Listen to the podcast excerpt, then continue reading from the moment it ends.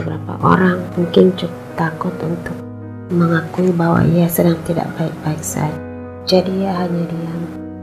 Dan setiap kali orang bertanya kepadanya, apa kabar?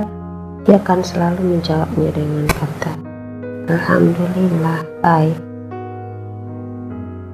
Padahal, jika ia boleh mengakui,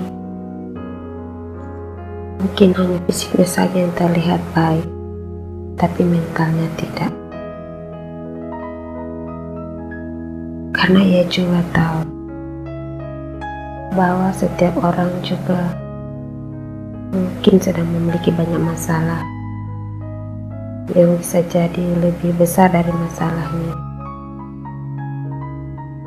Ia merasa malu atau ia terlalu malu karena Orang lain tampak begitu sunyi dalam menyembunyikan perasaan yang tidak baik-baik sajanya itu.